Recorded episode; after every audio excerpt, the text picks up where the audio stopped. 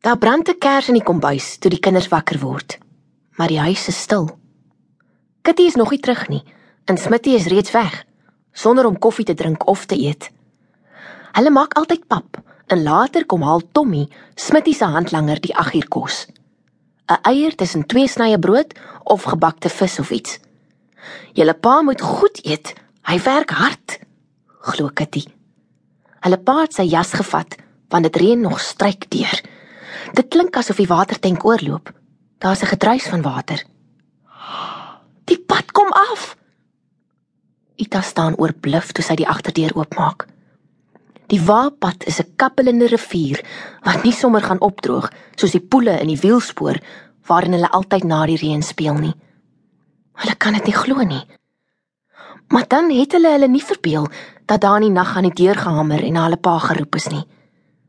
Dit het geklink asof dit okkerd was wat kom klop het. En dan is daar groot fout. Die water skuim en maak windjobbels in die pad. Ita pluk haar rok aan en vou 'n streepsak kappie oor haar kop en hardloop. Sy hardloop verby die huise en die skool tot by die winkel.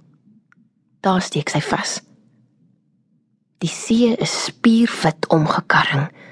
Die baai onherkenbaar, die water so hoog dat daar niks van die rotse sigbaar is nie, net die helfte van die toring. Die passasie is toegebreek en die brander spoel oor die jetty. Alles is flenters geslaan. Die jetty is net voor die kreefhuis afgebreek en die kreefhuis self hang skeef soos 'n deur aan een skarnier.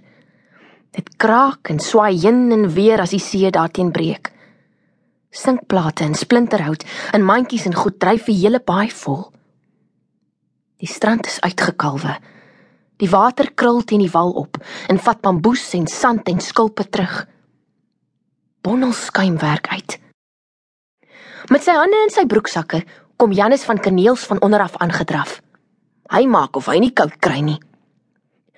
"Wat gaan aan?" skreeu Ita.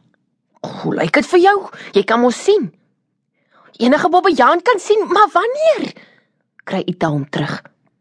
Hy is 3 jaar ouer en altyd slimmer omdat hy sy pa se bakkie kan bestuur en kos en brood vir die skuite aflewer. Vandag al.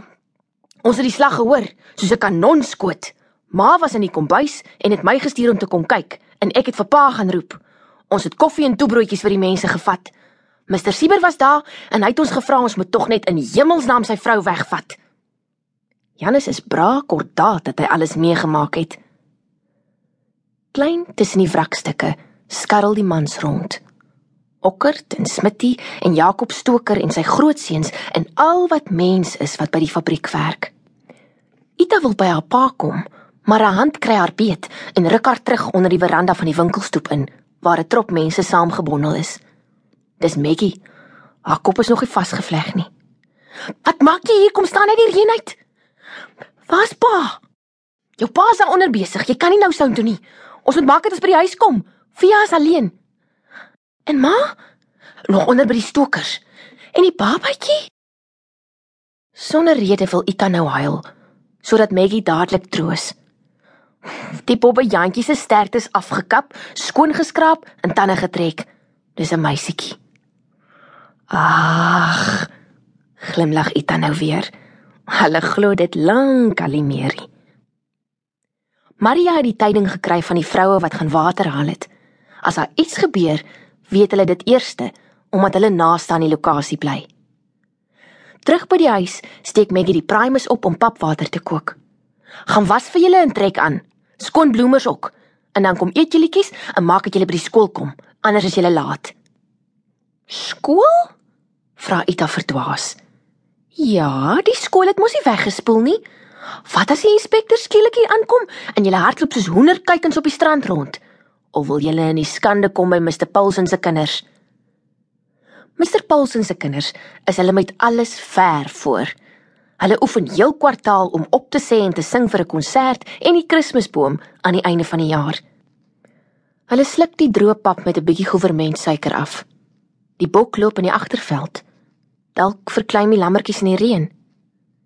Hul oë skiet vol trane, so styf het Maggie hul hare vasgebind.